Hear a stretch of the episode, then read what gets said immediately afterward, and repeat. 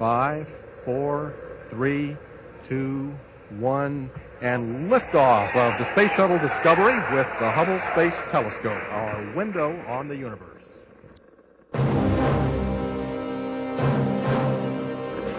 Mission Control, Houston.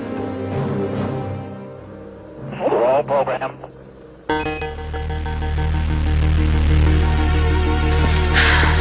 They erased your identity and implanted a new one. I was written in as your wife so that I could watch you and make sure the erasure took.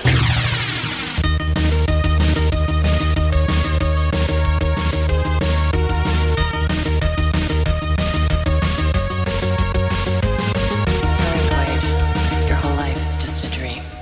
Året er 1990. Tyskland er igjen et land. Hubble Space Telescope ser ut mot stjernene. Eh, Det var veldig godt forberedt intro. Det var så mye kjedelige nyheter i den oppramsinga på Wikipedia her, så jeg stoppa der. Men uh, jeg og Margaret Thatcher ga seg som eh, statsminister. Og Nelson Mandela ble sluppet fri uh, fra fengsel. Men alt det der er jo uviktig i Lolbua-sammenheng, for der skal vi snakke om eh, de viktige spillene som prega 1990. De som overskygga Nelson Mandela og Margaret Thatcher og uh, gjenforeninga av Tyskland. Det vi var opptatt av i 1990, er det ikke det riktig, Lars Rikard? Fuck eh, Nelson Mandela, som uh, man populært sier. Ja, det var det er den remixen av den sangen der, Free Nelson Mandela. Det var sånn der Underground Club-remix med Fuck Nelson Mandela. Ja, den var veldig bra, husker jeg. Den var stor på eh, ungdomsklubben i Kirkenes. Ja, det var den, og så var det den remixen av han, eh, han der nordnorske faren som skulle reparere en vaskemaskin. Ja, det, var, det var en ekte hit. Den finnes jo. Det var en klassikerhit, og den husker jeg gikk fra kassett til kassett til kassett til det nesten ikke var mulig å høre noe mer. Den må jo finnes på YouTube eller et eller annet. Den finnes konservert, så jeg regner med at vår eminente lydmann Lars nå kommer til å legge inn et lite ut, utdrag fra Vaskemaskinmannen, tatt opp på 80-tallet på Det er kassett. tann som går over det hele. Det vanner jævelskap i helvete fra oss. Om 60 og 50 år. Det vanner i helvete over, så det var noe tykende noe det her. Faen. Helvete, altså. Og i faen skal jeg få få nye slanger. Så inn i om gamle Erik i det røde helvete og og faen. Vanner jævelskaper. altså. Satan og helvete og tyke og kall. Er vannet på få det. Hold opp i helvete.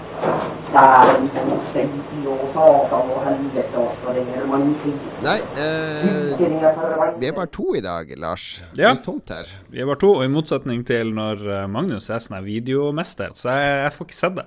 Jeg må liksom bare late som om du følger med, eller om du er rørt, eller whatever. Magnus er jo Han er veldig opptatt av utstyr, da, det har vi skjønt, eh, på matlaging og sånn. Der skal det være eh, Pris er ikke noe issue der. Det skal være det beste utstyret som lager den beste mat. Og det virker som det er litt sånn eh, med denne streamen som han har gjort til sin baby òg. Mm, ja, ja. Det, han kom hjem til deg og rigga opp i ni-ti timer, var det ikke det, for at det her skulle Han gå? holdt på i hele går for å sikre seg, for han kunne ikke være med i dag. Han skulle på konsert. Og så var han veldig redd for at streamen skulle bli sånn som vi hadde før, med sånn Google Hangout, som var egentlig ganske crap, crap eh, livestream i forhold til det Magnus har satt opp. Så han satte opp her hos meg, da. Men jeg har uh, som, som de som følger streamen vår ser, så er det litt sånn tekniske issues. Uh, ting blir litt skeivt og sånn. Men uh, sånn er det når jeg og Lars kjører skuta. Da, da henger ting i strikk og binders. Så kommer Magnus og rydder opp. Så han får rydde opp til neste gang. Det var jo så vidt det ble sending. Jeg har jo slitt med å komme meg til det enorme studioet her i Harstad i dag for å være med deg. Ja, for hva er det du driver med nå? Du er ute og reiser? Har ferie eller et eller annet? Nei, jeg var i Trondheim på sånn her Norsk Journalistlag-møte. Jeg kan fortelle mer om det senere, men da jeg skulle tilbake Eller det begynte jo med at da jeg våkna i dag morges, så sendte han Jens Arthur, vår kompis, bilde av masse snø her.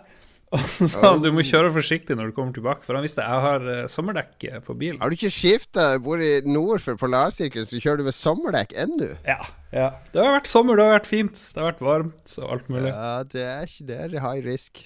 Og så uh, var flyet mitt forsinka. Og så hadde jeg avtalt med charter at han dukker opp med vinterdekkene på Statoil like ved flyplass, så jeg kunne legge over. Så du har stått og skifta dekk på Statoil? ja! det var jævlig. det var skikkelig trasig. Ja, jeg, jeg skifta dekk eh, for et par helger siden. Jeg rekrutterte to barn som var med og gikk opp bil og skru ut knotter. Og eh, det er en av de få tingene jeg gjør der jeg føler meg litt som en mann. As far back as I can remember, I always wanted to be a gangster.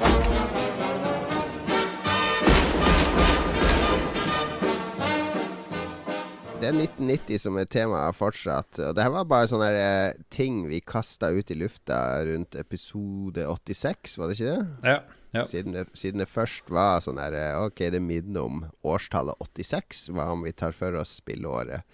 Og så tenkte vi i vanlig Lolbua-stil Så tenkte vi det her gidder vi i to episoder, og så går vi lei. Men nå har vi gjort det ganske lenge. Det er litt morsomt å ha en sånn knagg å henge episoden på. Ja, og det har vært mye interesse. Jeg syns jo det er veldig gøy sjøl. For man glemmer jo, man tenker jo ikke så mye, i hvert fall ikke gjør jeg, hvilket år er det spill egentlig har kommet ut i. Så er det noen år jeg liker bedre enn noen andre, og så kan man liksom se Oi, shit, de der to spillene kom ut samme år, men det ene er Og de gjør kanskje det samme, men det ene er mye bedre enn det andre, sånn som du har Larry og uh, Monkey Island liksom på samme år, som jo er helt absurd. Uh, at det kan være så stor. Larry og Monkey Island har du ikke? Men... Ikke Monkey Island, men uh, Maniac, Maniac Mansion. Mansion. Ja, ja. ja. Ja, nei, men det, ja, det er interessant. Vi bruker også på quizen til meg og Magnus, som vi for øvrig har nå tirsdag neste uke for de som er i Oslo. Um, så det, det, er veldig kjedelig med en sånn årstallsoppgave, egentlig. Sånn her, Hvilket år kom Leisure Suit Larry ut? Uh, det, det, er sånn spørsmål vi prøver å unngå. Men vi fant en variant på det, der vi liksom lister opp fem spill, og så sier vi OK, hvilket år kom de her fem spillene ut? For da blir det mye morsommere, for da blir det sånn eliminasjonsmetoden. OK, ja, det Doom, ja, det må være starten av 2000-tallet. Men vent, kom det så seint, og kom det så tidlig, og sånn. Så det blir litt sånn diskusjon. Ja, og så har jeg prøvd, siden vi nå er veldig retro, så har jeg prøvd å sende ut link til uh, denne samlegruppa på uh, Facebook som er populær for folk som samler på konsollspill. Der er det jo en 2000-3000 folk. Ja, nettopp. Det kan være sånn superrespons, jeg men jeg vet ikke. Jeg håper hvis vi klarer å knekke de, så blir det her huge. Knekke koden. Jeg så også i dag fikk jeg en melding fra Capsule FM. Jeg vet ikke om du kjenner til de. Det, det, er en sånn app på, uh, til iPhone, i hvert fall. Jeg tror den er på Android òg. Som er en sånn uh, uh, Hva skal jeg si En automatisk radio. Altså, det er en slags Det er sånn robotstemme, da. En sånn dame eller mann du kan velge, da. Som henter nyheter fra VG og fra Facebook-streamen din og fra Twitter og sånn. Og så, og så leser den opp værmelding og ditt og datt. Alt er liksom generert der du er, for deg, basert på mm. dine preferanser. Det er sånn robotradio. Og de har nå integrert podkaster der, så du kan høre på podkaster via Capsule FM, norske podkaster. Og det kunne man bare sende inn hvis man savna noen podkaster der. Så jeg regner med at Lolbua blir første norske podkast utenfor de her kjipe VG og Aftenposten-podkastene som de automatisk inkluderer, som, som, kommer på Capsule FM. Ja, da må du bruke din power som uh, Norges mest populære spilleanmelder tidligere. Til, til X, å få oss inn. Men Capsule FM kan jeg anbefale. Jeg bruker ikke så mye, men det er en veldig kul vekkerklokke. da Fordi den kan navnet ditt og sånn. Og så Hvis du har den på som vekkerklokke, så kommer det sånn her eh, rolig musikk. Og så sånn her Jon Cato, nå må du stå opp. Visste du at i dag Og så kommer det noen sånne morsomme fakta om dagen i dag. Og været er sånn og sånn. Ja, det, er, det, er, det, er, litt som uh, det er filmen uh, Det finnes jo sånne sci-fi-filmer der det har sånn AI-stemme som snakker med deg og vekker deg. Den derre Her, er ikke den sånn? Det, ja, det er jo det. Er det sånn provoserende søringsstemme? Kan man velge dialekt? Det vil det være veldig viktig for meg. jeg vet ikke om de har lagt inn dialekten, men det er litt sånn morsomt at den, eh, den er litt sånn insulting av og til. Sånn Cato, visste du at du er i slekt med apene? Det kan jeg se på deg. Og litt sånn, litt sånn der, eh, Litt sånn der Shut up. litt. Hmm. Men uh, ja, uh, Capsule FM, sjekk det ut. Og forhåpentligvis Lolbua der ganske snart.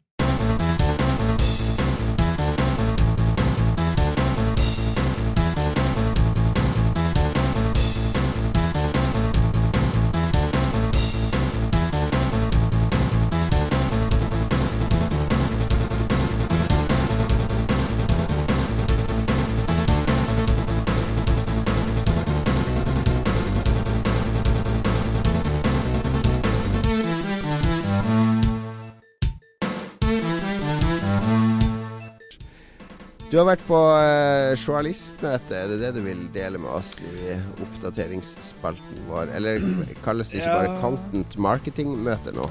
Vi hadde, vi hadde litt om uh, etikk og content marketing.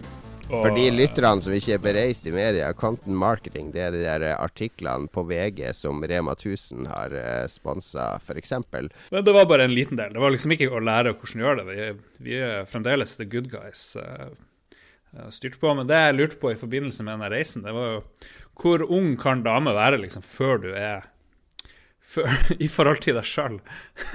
Hva er den regelen? Jon? Du skal liksom dele noen år på to og plusse på syv, er det? Husker du det der? Hva er det du sier, hvor ung damen kan være før du kan harve over dem? Det er før det er umoralsk. Hvem er det du har vært borti Trondheim nå? Jeg har, ikke vært, gammel var jeg har ikke vært borti noe, men det var det kom problemstillinga kom opp uh, inni hodet mitt. Delt på to pluss syv? Ja, er det noe sånt? Så er jo Det blir jo Ja. Så um, for min del så blir jo det 27 cirka. Litt mindre. 26 og en halv.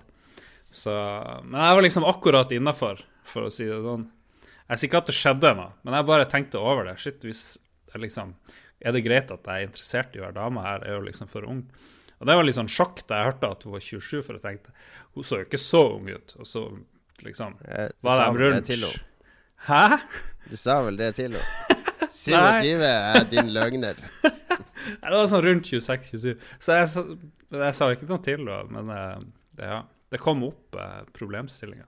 Jeg er jo blitt en gammel mann. Det er jo litt sånn Det er jo weird, det der. Du snakka forrige gang om din tur ut på byen, og det der, og hvordan det var å være ute på byen nå i forhold til før. Så jeg tenkte på det da jeg var ute. For etter sånne her bedriftsreiser, sånne her fagforeningsting, så er det jo bestandig middag og drikking. Så det er jo prime tid å drive og sjekke skreppet på. Det er jo det. Yeah. Så, så det var litt sånn opplegg, da. Det var det. Men så tenkte jeg Er, er den her delen på to pluss syv-regelen Er den liksom Det virker litt ungt for meg, da. Det gjør det. Jeg vet ikke hva din personlige regel er, Jon. Ja, så hvis du er 12 år, så kan du være sammen med en på f- 15, blir det da? Nei, 13. Hvis du er tolv år Hvis du er 12 år Eller, det, er Ja, sånn, ja. inn- Inntreffer den regelen eh, et visst sted i livet, eller gjelder den Om den gjelder fra du er ett år, så kan du ja. være i lag med Nei, jeg har delt to pluss i Altså, jeg har aldri vært i den eh, Jeg har aldri vært sånn at jeg skal gå rundt og velge og vrake interesserte damer, og da må bruke matematiske formler for å eliminere de som ikke passer inn innenfor visse e etiske regler. Så det, den formelen har jeg egentlig aldri tenkt så mye over. Men eh, ja. nei, så det, jeg ville bare ta det opp med deg, uten å utlevere meg sjøl for mye. men det skjedde ikke noe mer. skjedde ikke noe mer. Nei, jeg og en kollega jeg, Fordi jeg dro jo ned eh, med halv syv-flyet i går tidlig. Eh, Så jeg måtte opp før fem. Så jeg var jo knust klokka elleve, ikke sant. Da å Da temperaturen begynt å stige i lokalet. Så eh, jeg gikk, eh, gikk til heisen med en kollega, og så sa han Å, jeg trodde du skulle liksom bli igjen der og snakke med hun der dama. Så jeg bare Åh, Jeg er for gammel. Så det er mulig jeg liksom Jeg vet ikke om det var alderen eller eh, at jeg var trøtt som gjorde det, men det ble liksom aldri det helt store, store eventyret. Du vet det, det er ungdommen, eller når man er ung barn, ungdom, uh, ung voksen, så tenker man at åh, jeg gleder meg til å bli voksen, for da kan jeg være oppe så lenge jeg vil. Slippe å gå og legge meg kl- klokka 11 fordi jeg skal på skolen og ditt og datt. Og så, men det, når man blir ordentlig voksen, så er det sånn her ah, Det er så deilig å være voksen, for da kan jeg legge meg så tidlig jeg vil, uten å være flau over det. Fordi det det er sånn eh, Ja. Det er ikke så kult å legge seg klokka ti og sånn når man er 30 år. Da, da føler man seg som en gamling. Men, eh, men når du er blitt ordentlig voksen sånn som meg, så er du skikkelig glad for å kunne legge deg tidlig uten at det er flaut. Jo, jeg skjønner hva du mener. Så det kan hende at du er kommet i den aldersgruppa. Jeg vet ikke. Det er jo, det er jo trist.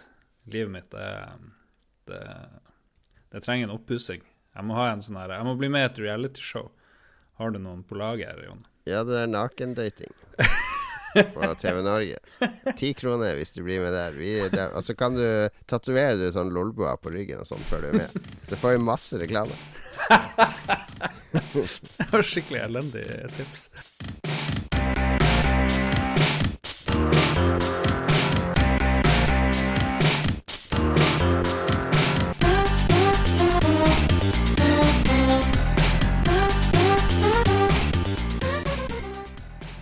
Du og jeg, Lars. Du og jeg. Jeg er som i gamle dager. De første, for de som ikke vet vi har jo fått en del lyttere som har hoppa på etter hvert.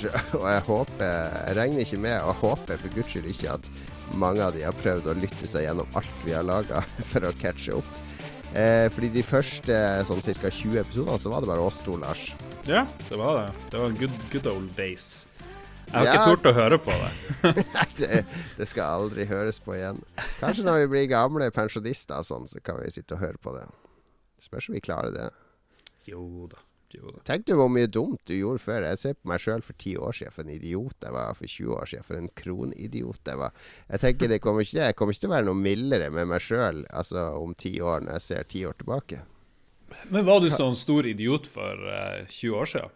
Jeg klarer ikke å huske deg som en stor idiot. Ikke, jeg var egentlig ikke sånn veldig stor idiot, men jeg, jeg, jeg hadde meg, altså min Jon Cato på 42, reist tilbake i tid og møtt Jon Cato på 22, så skulle jeg banka litt vett i og inn i og lagt noen føringer på, på ting han burde gjort for å ikke gå glipp av en masse morsomt. Fordi, Du hadde tvangsfora deg sjøl alkohol, uh, spår jeg. Nei, men jeg var jo veldig sjenert, og det var jo vi alle. Vi var jo sånne nerder. Og nerder for 20 år siden, vi hadde ikke sånn her eh, community på nett, eller Altså, nerdkultur nå er jo et stort community, så at hvis du har lyst til å drive med cosplay eller er en gamer eller whatever, så har du Møter du folk over nett, og du kan møte de i virkeligheten og alt sånt.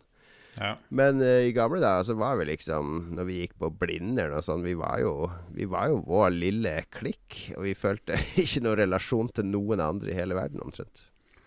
ja, vi var ganske Jeg var veldig happy med tingenes tilstand, husker jeg lenge. Ja. så, eh, så Ja. Men så, så utvikla det seg jo etter hvert. Det gjorde det. Det er veldig spennende, hele greia.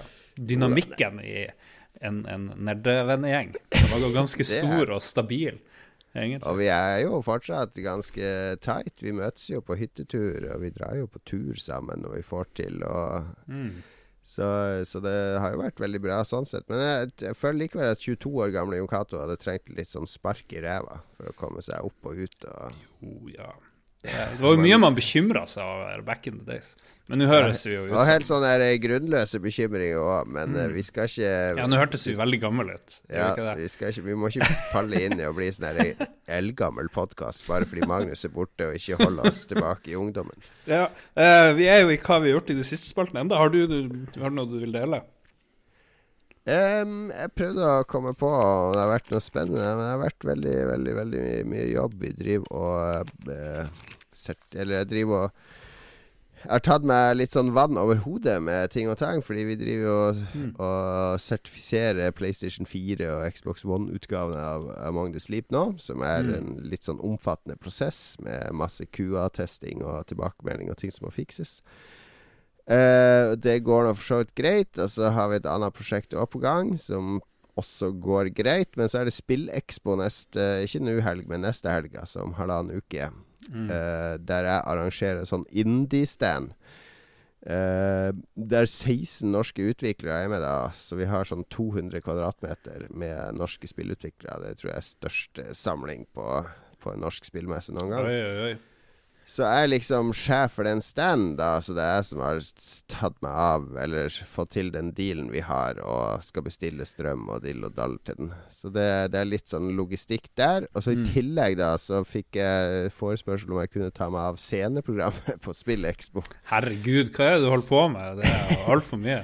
Ja, men det, det er sånn eh, Jo, det, er, det har jeg gjort i to år, så det er for så vidt greit. Men da har jeg brukt fire måneder på det. Nå må jeg planlegge det på to uker, så det er litt verre. men uh, Ja, men jeg har sagt ja til det òg. Så det, det har vært veldig mye mailing og ringing og koordinering det siste. Men uh, det er litt deilig òg, da, å ha mange sånn jern i ilden. Herregud, det er altfor mye. Men uh, hvorfor er ikke Lolbua på den her uh, greia? Det, uh... Nå har jeg jo hovedscenen, så nå kan vi kjøre maratonsendinga vår der. ja, Det er litt dårlig. ned eh, neste helg.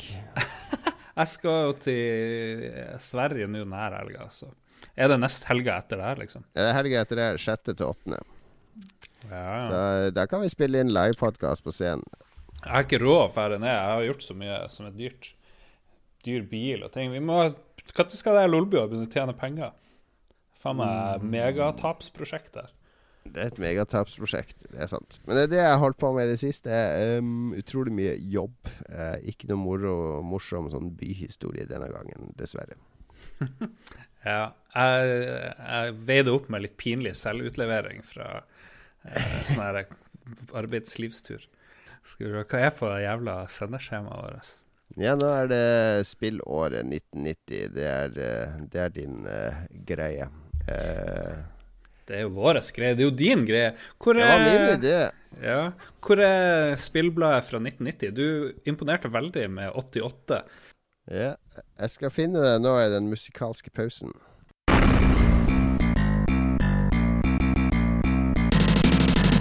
Vi er i 1990. Eh, som kjent så er jo eh, øst og vest Tyskland forent. Margaret Thatcher har gått av. Eh, det første websida blir laga det her året. Og den første søkemotoren. Eller det.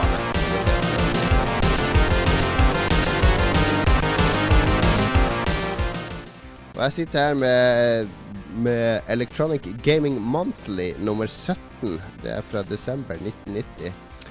Eh, det betyr basically at det var i salg sånn i september, fordi amerikanerne har sånne veldig merkelige datoer eller måneder på bladene sine. Uh, og Electronic Gaming Monthly, for de som ikke kjenner det, var et av de lengstlevende spillbladene i USA. Jeg tror det kom ut fra 88-89 til 2000. Det kommer fortsatt ut, men i en litt annen versjon.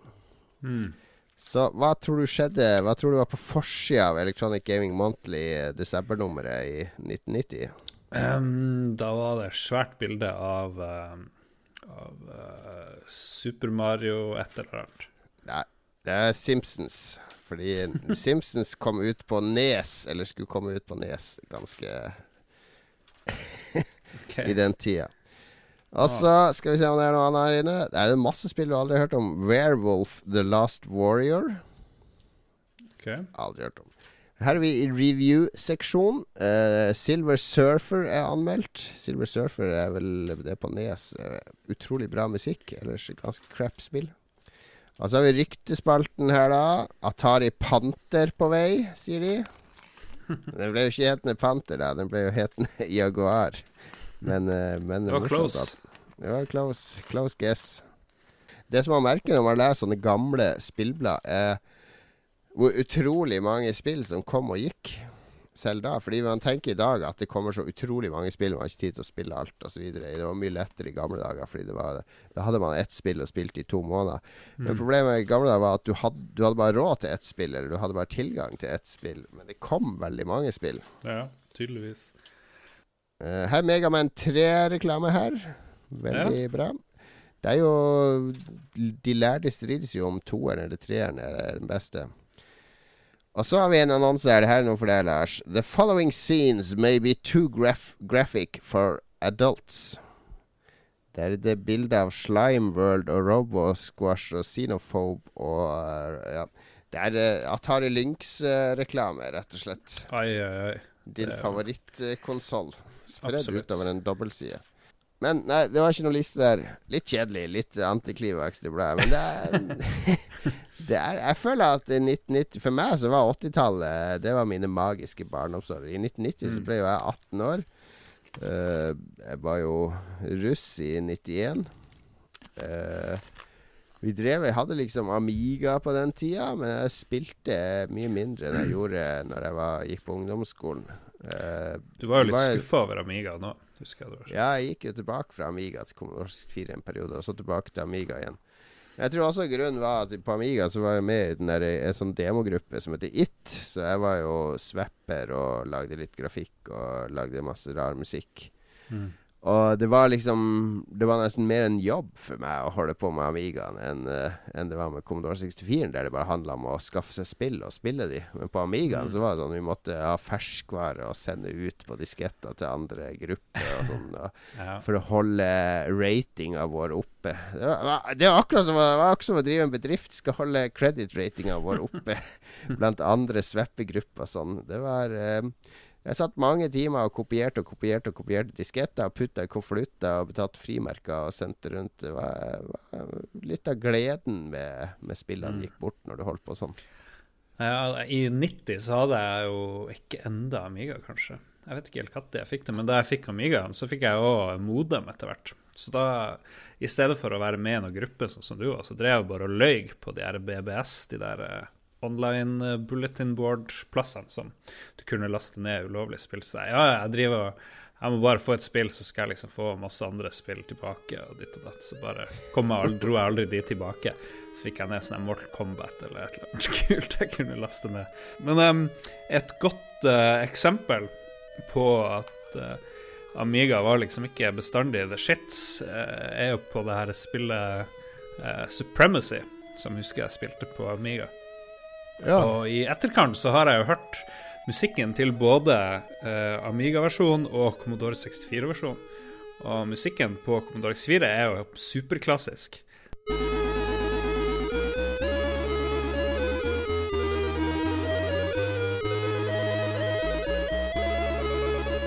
Og så, hvis du hører da, hvis vi er litt eh, fancy nå i klippinga, og så hører Amiga-versjonen, så er den bare helt bullshit.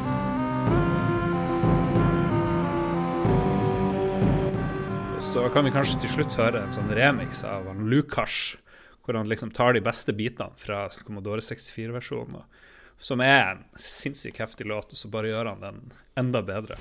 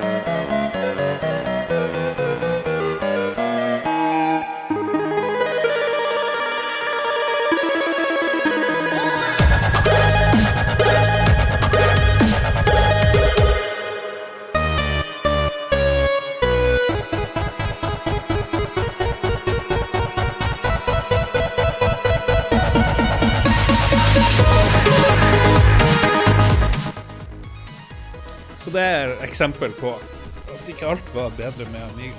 Men det kommer jo fremdeles mye bra spill da i 1990. Hvis vi bare ser Ja, litt sånn kjapt, så du har jo Wings, kjempeklassiker. Monkey Island, kanskje en av de største. Loom var jo òg fra samme selskap som, som Monkey Island. Og hvis eh, Magnus hadde vært der, så kunne han jo prata en time om de spillene der, sikkert. Ja, takk Gud at han er på konsert. Nei, det kom, kom mye bra spill, det er det ikke noe tvil om. Men det er også det jeg husker, for jeg var jo, det vet faste lyttere, jeg var jo notorisk glad i å lese og samle på spillblad på den tida. Så jeg, jeg kjøpte jo og leste alt av Commodore User og Zepp 64 og alle de bladene der. Og det jeg husker, uh, var at de bladene begynte å gå litt sånn ned i kvalitet i 1990 og utover. Uh, fordi det handla, begynte å handle mye mer om spill som uh, var et stykke fram i tid, enn spill som var på markedet der og da. Og da, da husker jeg Hypemaskinen begynte å komme. da For jeg husker eksempel et spill som heter Midwinter. Eh, det kom ikke på Amiga før i 91, men jeg tror jeg begynte å lese om det i 1990. Det skulle være så enormt stort og åpen verden. Du skulle være på Sørpolen eller et eller annet. Du kunne utforske hele Sørpolen, og du kunne gå på ski og kjøre scooter og helikopter. og og alt mulig. Og det spillet gleder jeg meg sånn skikkelig mye til. Fra 1990 fram til det kom i 91. Husker jeg kjøpte det da jeg var i militæret. Og dro hjem på perm for å spille det. Det største møkkaspillet jeg noensinne har spilt. Jeg husker jeg For meg 1990 er året jeg begynte å gå nedover.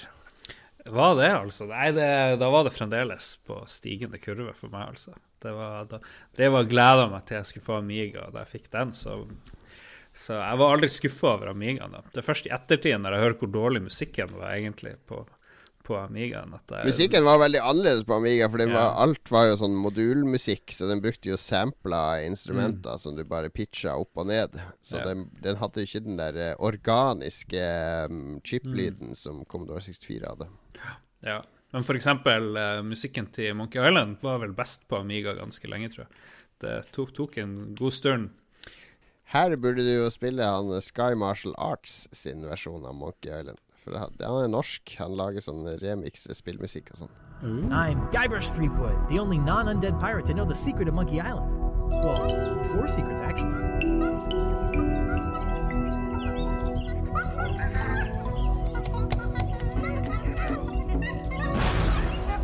¡Madre de Dios! ¡Es el Pueyo Diablo!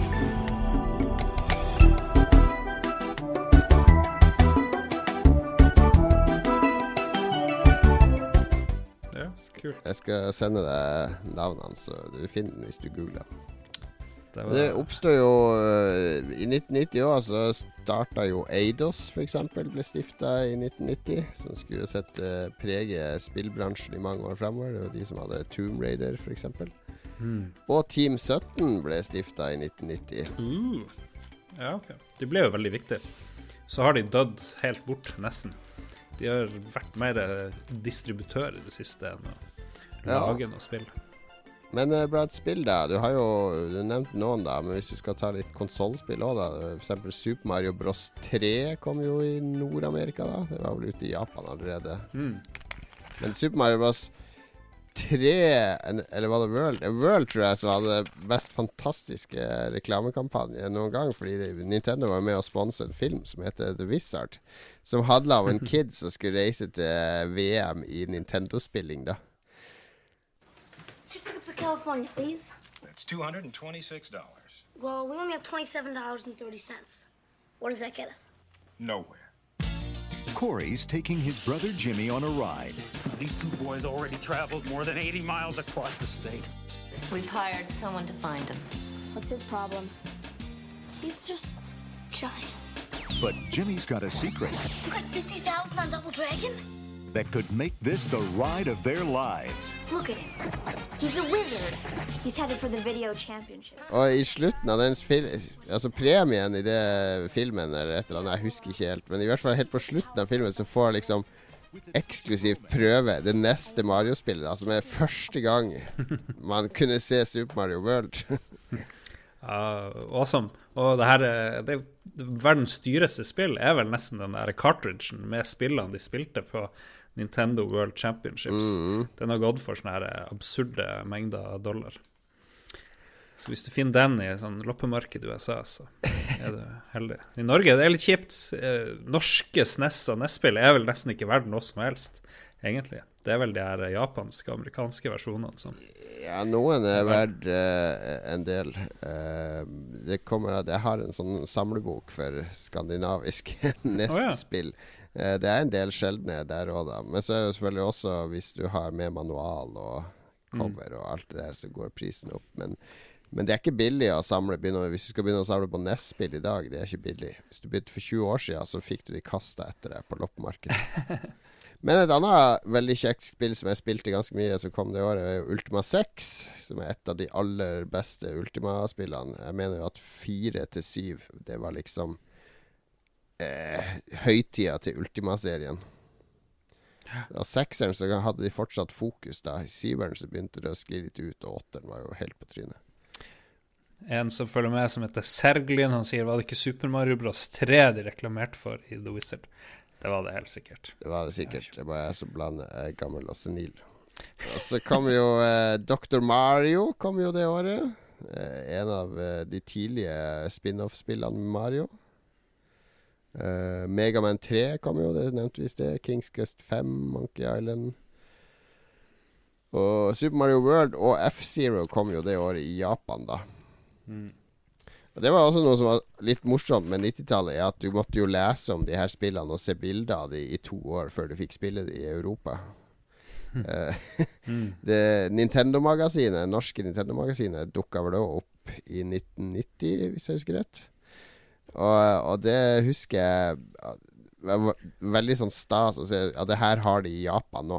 Fordi Japan da var jo sånn hellig gral. Der, der Mm. alt skjedde halvannet år før det skjedde hos oss. Og sånn var det jo litt også ut når vi begynte å spille PlayStation. Ja, sånn. det var Det var liksom der eh, Hvorfor tar det så lang tid å få det her hit til oss? Gi oss det her.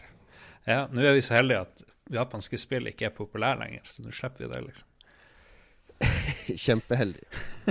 Skal vi se, skal vi um, ta noen uh, leserbrev, for å si det sånn?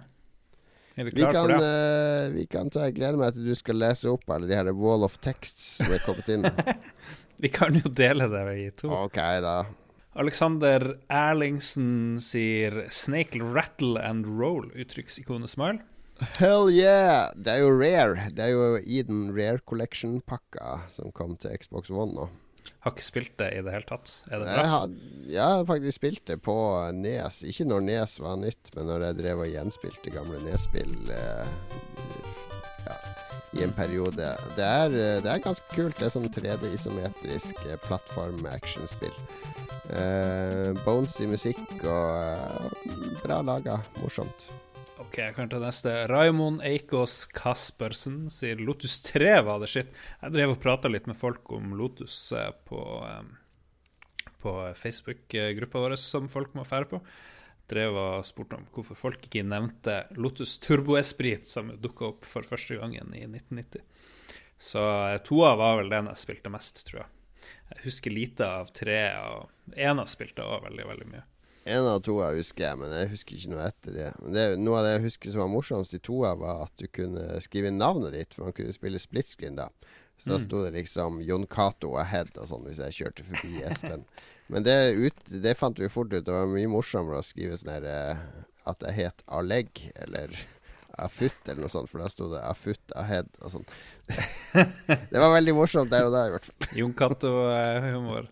Robert Karstensen eh, skriver at han husker Lotus Turbo Challenge veldig godt. Knallspill, men favorittene det her året var for hans del The Secret of Monkey Island, Kickoff 2, Player Manager og Nuclear War. Alle på Amiga 500, selvfølgelig. Ja, de var strengt tatt på Amiga 1000 òg, da, Robert. Men, eh, og 2000, hvis du hadde det. Selvfølgelig.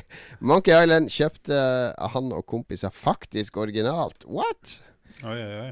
Før vi i den tidens ånd gladelig kopierte opp flere eksemplarer. PS i kveld hører jeg på live mens jeg spiller World of Warcraft, slik som jeg har gjort de siste ukene. Perfekt kombo. Uttrykksikonet grin. Eh, jeg tror ikke så mange hadde Amiga 2000. Kjente du noen i det hele tatt? Han eh, store eldstebroren i Skoglund-klanen, han hadde 2000. Oi, shit. Det er respekt. Som han brukte til å spille kickoff på sammen med en som heter Pekka. De satt foran det vinduet og røkte rullings og spilte kickoff fra morgen til kveld. Verdens dyreste maskin som ble brukt i kickoff, liksom. Det var noe nytt med det her i kickoff. Det skal komme på sånn her eh, IOS eller et eller Ja, annet. ja, ja, det er han Dino Dini. Det Ja. kan umulig være at han er døpt Dino Dini. Hva slags foreldre er det? Kanskje han er, han er sånn fra Brasil. og Han, han, ble, han har amputert ene foten, var lovende fotballspiller, men overkom problemer og ble fotballspillproblem. Hva er det med navnet hans Dino Dini å gjøre? Det Nei, hvis han er fra Hvis noen kan hete Pelé, kan vel han hete Dino Dini eller uh, Maradona. Det er jo et okay. fotballnavn. Jeg husker i hvert fall at det var, det var litt sånn der um, konflikt mellom Dino Dini og Kickoff og Sensible Soccer-gutta. Det var, var sånn ordkrig i media og litt sånn drittslenging. Og, men jeg heide jo alltid på Sensible Soccer-folka, da, selvfølgelig. Hadde du trikset fra midtbanen med avspark, at du tok og jokka joysticka frem og tilbake. Så tok du sånn megalobb, og så sånn fire av fem ganger så gikk den inn. What? I hvert fall i første kickoff. Ok. Um, han, eh, Robert Carstensen kom på noe. Han sier oi, oi, oi. Jeg glemte jo Conflict The Middle East Political Simulator. Noen som husker det, brukte mange timer på det spillet. Og det har jeg snakka en del om i en episode for lenge, lenge siden. Eh, Ja. Hvor jeg til og med klarte å grave frem Conflict The Middle East-simulatoren til eh, Mac. Så den ligger der ute et eller annet sted. Det er bare å søke på den. Kjempemorsom. Du, er, du spiller vel Israel og prøver å overleve. Ja, det er morsomt med sånne historiske strategispill, men det er jo helt eh, ukurant i dag, da, siden det ikke er noen konflikt der nede lenger. Helt enig. Å, det glemte jeg. Jeg hadde tenkt å prate drit om han eh, Mats nå når han var flytta. Ja, Åssen er det? Er det tomt i huset nå, Lars? ja, det er det. Jeg har ikke, rukket, jeg har ikke vært så mye hjemme. Han for jo på søndag. Og Ja. så eh, har jeg jo reist og styrt på siden da, men det er jo Eller det eneste synlige beviset på at han er borte, er jo at den ene TV-en Jeg har jo to svære TV-er i stua. er borte. Så nå er det bare en sånn svær sånn elektrisk stol han ikke gidder å ta med, som du kan liksom trykke inn for å gå frem og tilbake. Den står og ser rett i veggen. Så, så Always Champion-plassen der eh, Du er ikke husredd når du er helt alene hjemme, da? Jo, jeg blir jo det. Av og til. Det spørs på formen. Men hvis jeg skal gå ut og har lagt meg, og så er det liksom helt mørkt, så Hvis jeg ser Du har, film eh, For de som ikke kjenner Lars sitt hus, det er jo litt sånn klassisk eh, 80-talls, 70-tallshus. Eh, to Mm. etasjer. Kommer inn i andre etasjen, da. Altså nedre etasjen en sånn kjellerstue. Og, og eh, le- sånn hybelleilighet og sånn der nede, og boda. Mm. Uh, du ligger oppe på master bedroom nå, ikke på ditt gamle soverom i kjelleren. Ja, Mats bodde på mitt gamle soverom. Jeg er oppe i the master bedroom med, hvor det er sånn halvrosa vegger. De er ufattelig stygge. Men det kan du jo male. Du er jo singel og kjapp og rask. Det er fin sånn vinteraktivitet. Jo. Men jeg skal heller ordne nede først, sånn at jeg får leid det ut til noen, noen ukjente. da. Og da må jeg putte inn en dør òg. Men en ting jeg ikke kunne ha sagt til nå, da, fordi han Mats trua med å flytte Eller han, Ja. han trua ikke med å flytte hvis jeg sa flyttet, det. så Ja, nå kan du si hva du vil. Ja. Nei, men jeg bare husker jeg kom på Jeg kom på um, i denne stolen oppe i stua da han satt og spilte Raid for første gang. En av de første gangene, det her Volt of Glass. Og, hadde, og, og så er det jo en sånn hoppepuzzle eh, med noen plattformer som forsvinner og går bort. Og så funka ikke mikrofonen til han Mats, og han blir ganske fort sint. Og så var det ingen som ville si til han hva han skulle gjøre, for han mente at folk måtte si hvor de her plattformene kom. Og du har aldri hørt noen kjefte og smelle så jævlig mye som når Mats blir sur. Og så syns jo jeg det er kjempemorsomt, så jeg står jo litt sånn på sida og ler litt. Og, og så tar jeg frem mobilen og sier er det greit hvis jeg tar litt opp av det her til Lolbua? liksom for Til å liksom spille det av og putte det inn i sendinga. Og det var, var begeret som fikk eh, dråpen som fikk begeret til å renne over. Da skal han faen meg flytte ut, og jeg var skikkelig trasig. Og det var sånn der eh, Han ble så sint. Og, og han blir sikkert å hate at jeg sier det her, for han, han tar seg litt nær av at han, at han roper og skriker litt. Men nå kan jeg jo si hva han vil, for nå har han jo stukket av. Ja, ja, ja. Så legger du inn lydopptak òg her nå. Det har vært det beste. Men han bodde jo nede. Men det kunne være av og til at jeg hørte sånn hyling. Hyling og skriking nedfor nedefra, hvis det var noe som ikke gikk veien. Men uh, han er jo verdens snilleste fyr, da. Så, uh, så jeg beklager, Mats. Jeg håper ikke du hører det her. Jeg tror ikke Jeg skal, skal i hvert fall ikke tipse. Jeg, er litt redd for hva han skal gjøre. Hvis jeg Ja, det er en fin test da for å finne ut om kompiser hører på programmet. Så Ja. kanskje i hver episode fremover så skal vi slenge dritt om en kompis. Så hvis Mm. vi får høre det i ettertid, så er det kult, du hører på Lolbua. Hvis ikke, så er det OK, da var det Da fortjente du den dritten vi slengte etter det. Det er jo vinn-vinn.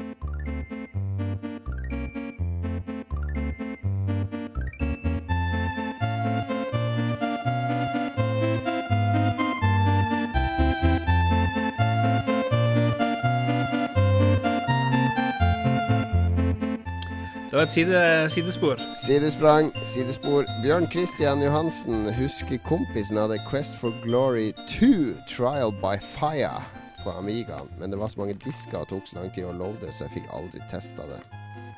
Uh, ja, de var litt morsomme, de spillene. da. Det var sånn De prøvde å lage litt sånn RPG-element til Kings Quest, på en måte.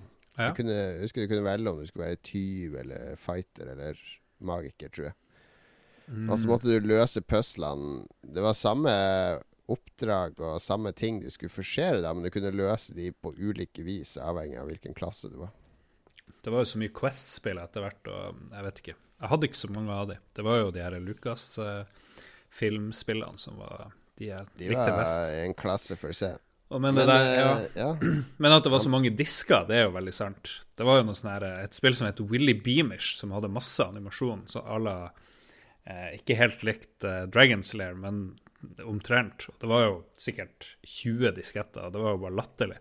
Det gikk jo ikke an å spille det, ikke sant? Det er også noe som dagens eh, ungdom og gamere ikke kjenner til. Det er med å bytte diskett Mm. når, eh, for å få laste inn en cutscene, og så bytte tilbake for å fortsette å spille. Det, det var tider, det. Ja, Not. der hadde Nintendo et visst forsprang. De hadde det. Men han Bjørn Christian Johansen er ikke ferdig, fordi eh, året 1990 var nemlig året da han var mer hjemme hos kompisen enn han sjøl var hjemme hos seg sjøl, går jeg ut fra det betyr. Eh, også året da han ikke fikk sove fordi de ikke kom videre på Monkey Island. Det var året da han fikk eh, sin første og siste S på en særoppgave hvor Monkey Island var settingen. Wow. Det er imponerende. Introen til Monkey Island gir han fortsatt ståpels i nakken og lyst til å oppleve eventyr på nytt.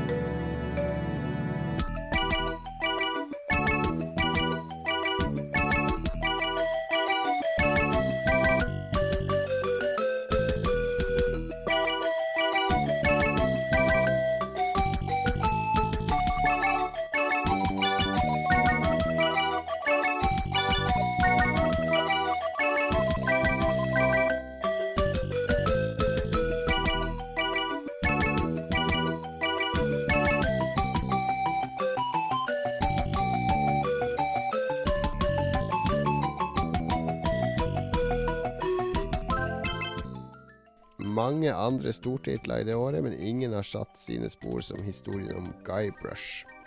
Og det var også året da han ble Oslo-mester i Nintendo, men feila big time i landsfinalen. Uttrykksikonet Frown. Han skrev 'ser at det må ha vært senere', da det jeg var med på, var Super Nintendo. Ja, men vi trenger ikke å ødelegge den gode historien hans. Det var ingen som hadde visst om det, bortsett fra oss og han Bjørn. Så hadde lytterne tenkt 'Å, kult'. Der Ja, har de eh, Oslo-mesteren i Nintendo hører også på eh, Lolbua. Okay. Vi kan, hvis jeg husker det, så kan vi si snu det siste og spille det baklengs, sånn at bare de mest dedikerte får med seg hemmeligheten bak Bjørn sin historie. Vet du hvorfor Guybrush heter Guybrush? Ja, fordi det var eh, I Deluxe Paint så het uh, tegninga av han Det var liksom Guy.brush eller noe Nei, ja, ja. I, uh, i uh, programmene til Lucas Arts, når de lagde Pek og klikk, så default-navnet på en figur du skulle styre på skjermen, var en Guybrush. Det var det, de, det var det som liksom var filnavnet til, eh, til en figur på skjermen. Så, så ble han bare hetende det. Ja, ja. Jeg tror det jeg sa, var mer rett. Det er i hvert fall sånn han har sagt det, Magnus. Men eh, I Deluxe Paint det har ikke noe med Deluxe Paint å gjøre. Men gå videre, så får heller Magnus, eh, som ikke kommer til å høre på denne episoden, eh, reagere. Her har vi vår test om Magnus faktisk hører på Lolbua. Ja. Skal vi se, han Jan Kristian Hegel sier at han endelig var født! Woho! Han har jo slitt med at han ikke har vært eh, eh, til stede de Ja. siste årene. Um, men han har fremdeles ikke spilt så mange av de her spillene vi snakker om. Det er litt uh, overraska. Hegel, som jo er en uh, spillviter.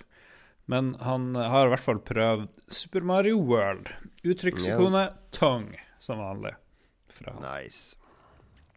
Vegard Mudenia. eh, fire år gammel var han i 1990. og Han løper fortsatt naken rundt i stua. Bare nå med en kappe rundt halsen. Men to år etter det her så får han sitt aller første Megaman-spill i Megaman 3.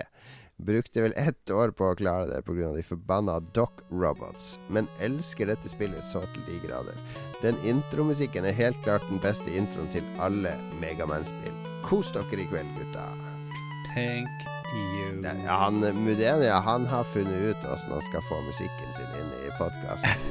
han tar det samme trikset hver gang, Lars. Ja, gjør det. Det, jeg, det har jo litt å si om jeg liker musikken òg, så hvis den spiller nå, så eh, får den Lars Kilo approval.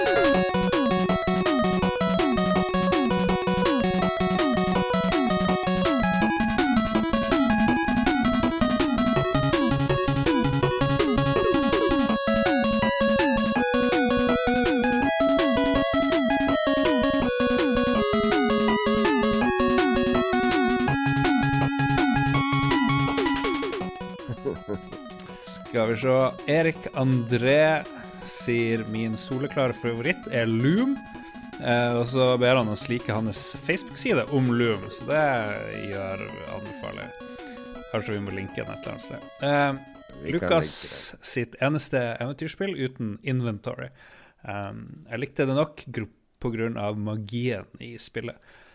Og var kanskje et av de første fantasyspillene han prøvde. For øvrig fin bruk av musikk i spillet, som i sin helhet er fra Tsjajkovskijs 'Svanesjøen'. Oi, shit, det var masse mer i den meldinga hans. Mange år senere oppdaga jeg at det fulgte med et eh, hørespill, Audiorama, som fungerer eh, som en prequel til spillet. Ganske imponerende til å være et dataspill fra 1990. Skuespillet, eh, Stemmeskuespillet var også ganske mange hakk over det som var vanlig de neste fem årene. Eh, men det skyldtes at de brukte CD-audio. Som et resultat var det begrenset med plass, og mye av dialogen måtte kuttes. Dermed har man et dilemma hvor, dilemma hvor ingen av versjonene av Loom er helt komplett. Eh, enten så får du komplett historie med 16 farger og midi-musikk, eller 256 farger med avkutta dialog og begrensa musikk. Interessant. Ja, nå skulle jeg hatt Magnus her, så han kunne kommet med sine eh, korreksjoner, skråstrek innspill, på den historieleksjonen. Han spilte jo nettopp eh, gjennom Loom, gjorde han ikke det? Ja, men han gjorde det på Twitch. Vi skal, vi skal linke til det i uh, saken, hvor den her hører til. Denne podkasten hører til på lolbua.no. Bra, bra. Så har vi Anders eh, By, Bye. Jeg vet ikke om det er antagelig sønnen til Erik Bye. Ja, Eh, det er det. Det kan jeg bekrefte. Ja. Eh, eh, sitter nå i hildringstimen og lytter på Lolbua. Og han syns det er påfallende hvor stor fors forskjell det er på f.eks. Rick Dangerous 2 og Super Mario World. Begge kom samme år, men sistnevnte soper gulvet med førstnevnte. På det beste er Nintendo så helstøpt at ingen når dem til knærne.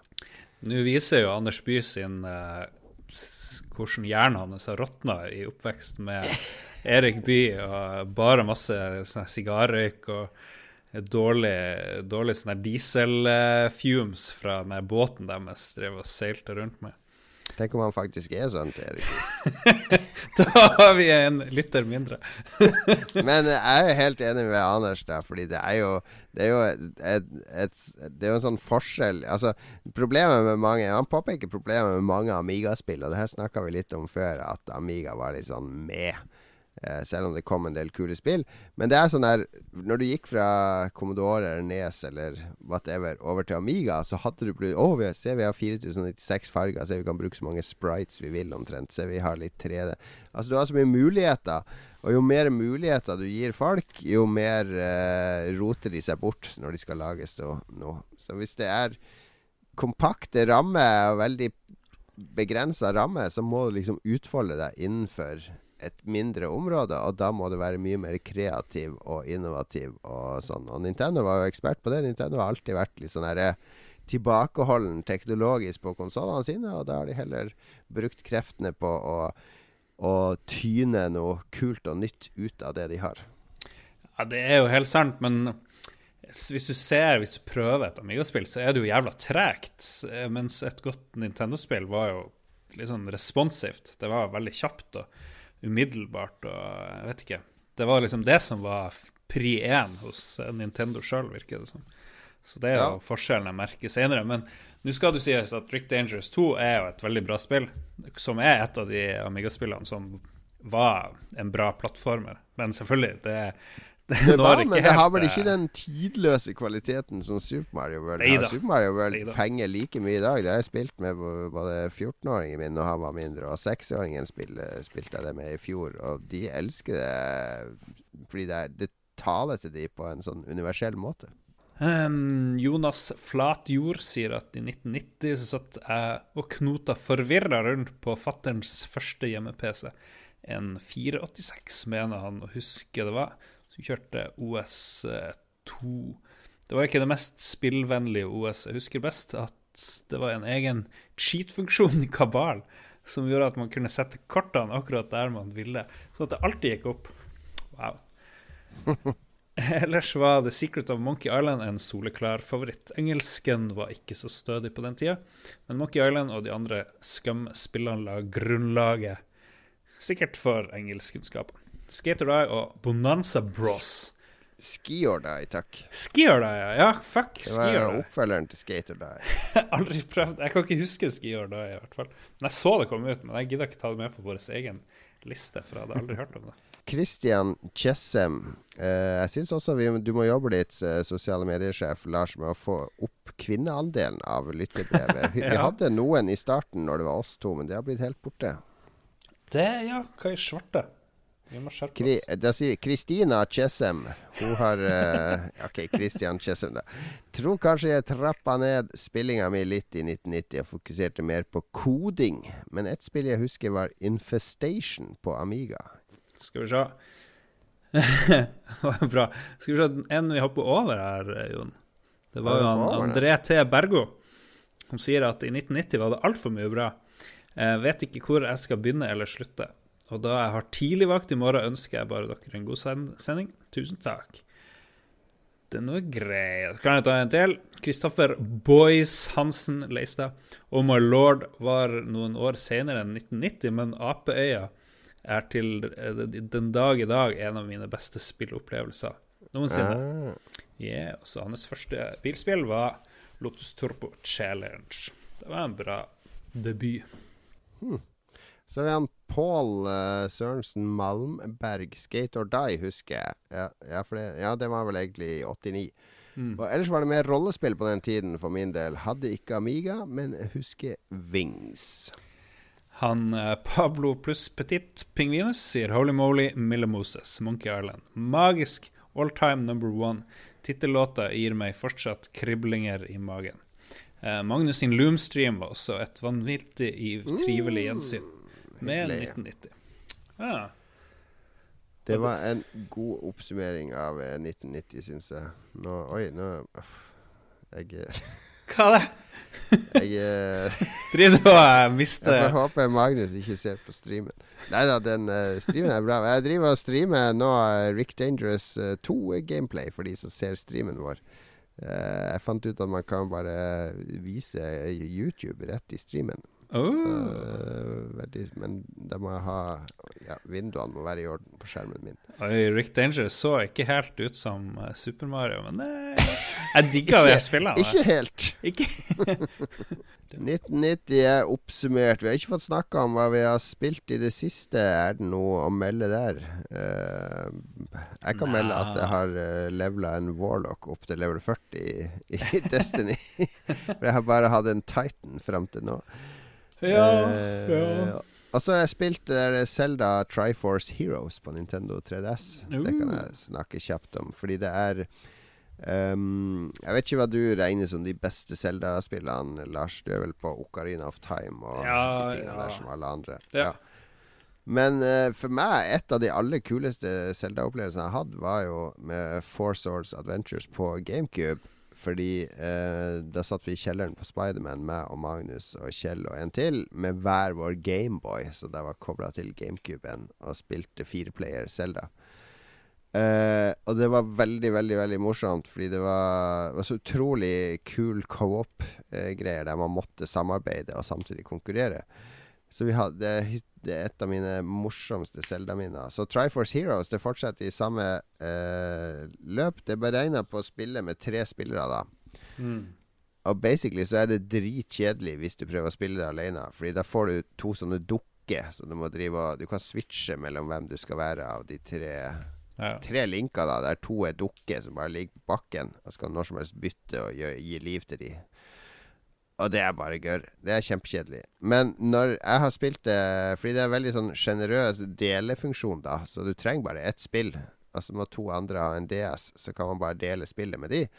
Og basically alle levelene i hele spillet kan man dele og spille Mm. med, med en kopi av spillet. Så jeg gjorde det da med to DS jeg hadde liggende her, med 14-åringen min, Thomas, og 6-åringen Trym. Og vi hadde det kjempegøy eh, en ettermiddag da der vi spilte sammen. og Der, eh, fordi spillet er sånn der, Det er sånn top down-Selda, eh, men samtidig med litt perspektiv. Så at du, man, linkene kan drive og bære hverandre. Man kan lage sånn totem av tre linker. da Og da kan man nå opp til avsatser. Og man må hele tida løfte hverandre, kaste hverandre. Én for buen, én for bombe osv. Så, videre. så alle brettene krever ganske mye samkjøring og, og, Mm. Og dialog. Litt som uh, raidene i Destiny. Man må kommunisere for å komme videre. Og det var kjempeartig. Kjempe, kjempe, kjempe, kjempeartig. Uh, som som Zelda-spill så ser jeg det får litt sånn lunken kritikk her og der. Fordi det er ikke, det er ikke sånn ekte Zelda-spill. Det, det er jo sånn Guiden-spill, som det heter i Japan. Altså sånn side story-alternativ. Mm. En variasjon. Og, og er du innstilt på det, og har du to kompiser å spille med, og ikke spill det på nett med fremmede, det funker ikke i det hele tatt. Eller det funker, men det er bare frustrerende. Mm. Du må ha to venner som har DS-er, som har lyst til å være med og spille. Da er det, da er det kjempeartig coop-opplevelse. Men du trenger ikke tre kopier av spillet, da. Nei, du trenger bare én. Ja, ja. må ha Men det er kun han som har kopi av spillet, som da får lagra progresjonen sin. For du får jo låst opp brett og Mm. kostymer og sånne ting. Du driver og kjøper fra sånn klesbutikk. Temaet i spillet er mote, da. Det er jo alt, det er alltid tema i uh, Zelda-spillene på håndholdt. Det er liksom eh, et tog i Phantom Rails, eller hva det heter, og en båt i et annet, og ja, Mm. Minish Cap var det jo det krympegreia og sånn. Mens i det spillet her så er det mote. det er sånn moteforretning. Og det er krise i denne byen fordi det er sånn ond kar som driver og dreper folk som er for pent kledd. Eller kidnapper folk som er for pent kledd, så ingen tør å gå med finklærne sine. Så det er det du skal redde. Så, men ja, du trenger bare én kopi av spillet. Og han som da har kopien av spillet, han får lagra progresjon og sånn. De andre de får spille spillet så mye de vil, eh, helt til de slår av DS-en eller bytter spill. Mm. Altså, men så kan de bare fortsette å være med neste gang de møtes. Da bare ser han spillet på nytt, og så er det bare å spille videre. Mm. Jeg drev og lurte på hvordan jeg skulle liksom få spilt det her. Jeg kjenner jo Jeg har et søsken Ungen til et søskenbarn har 3DS. Men ellers så er det dårlig. Da tror jeg vi skal si at det var det. Jeg skal uh, kjøre til Bergen i morgen. I neste episode så kan jeg forhåpentligvis dele noen uh, morsomme fyllehistorier. Kanskje ikke fyllehistorier, men i hvert fall utelivshistorier fra Bergen. For jeg skal uh, på en konferanse som heter Konsoll. Der det kommer spillutviklere og spillfolk fra hele Norge, og noen fra utlandet òg. Det kommer blant annet en fra Double Fine som skal snakke, som jeg skal møte i morgen. Og det Mm. kommer eh, noen fra eh, sånne indie-organisasjoner. Og det kommer, det kommer litt av hvert som skal ha foredrag der borte. Så det er ganske mange påmeldte. Det blir stor, stor event for spillmiljøet i Norge. Vi, eh, ja, vi er tilbake med Magnus neste uke, forhåpentligvis. God natt. Beklager, Magnus, for streamen, men eh, det funka i hvert fall. Takk for hjelpen. Det ser helt forferdelig ut. God natt. Ha det.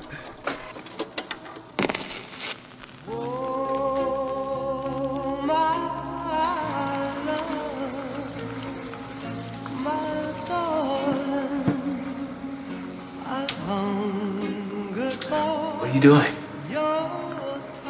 I couldn't sleep.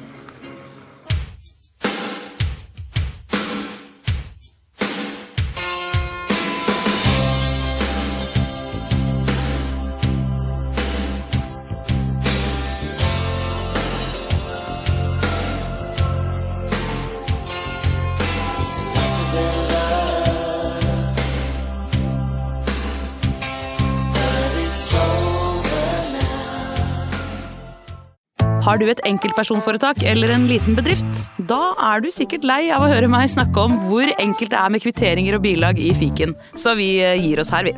Fordi vi liker enkelt. Fiken superenkelt regnskap.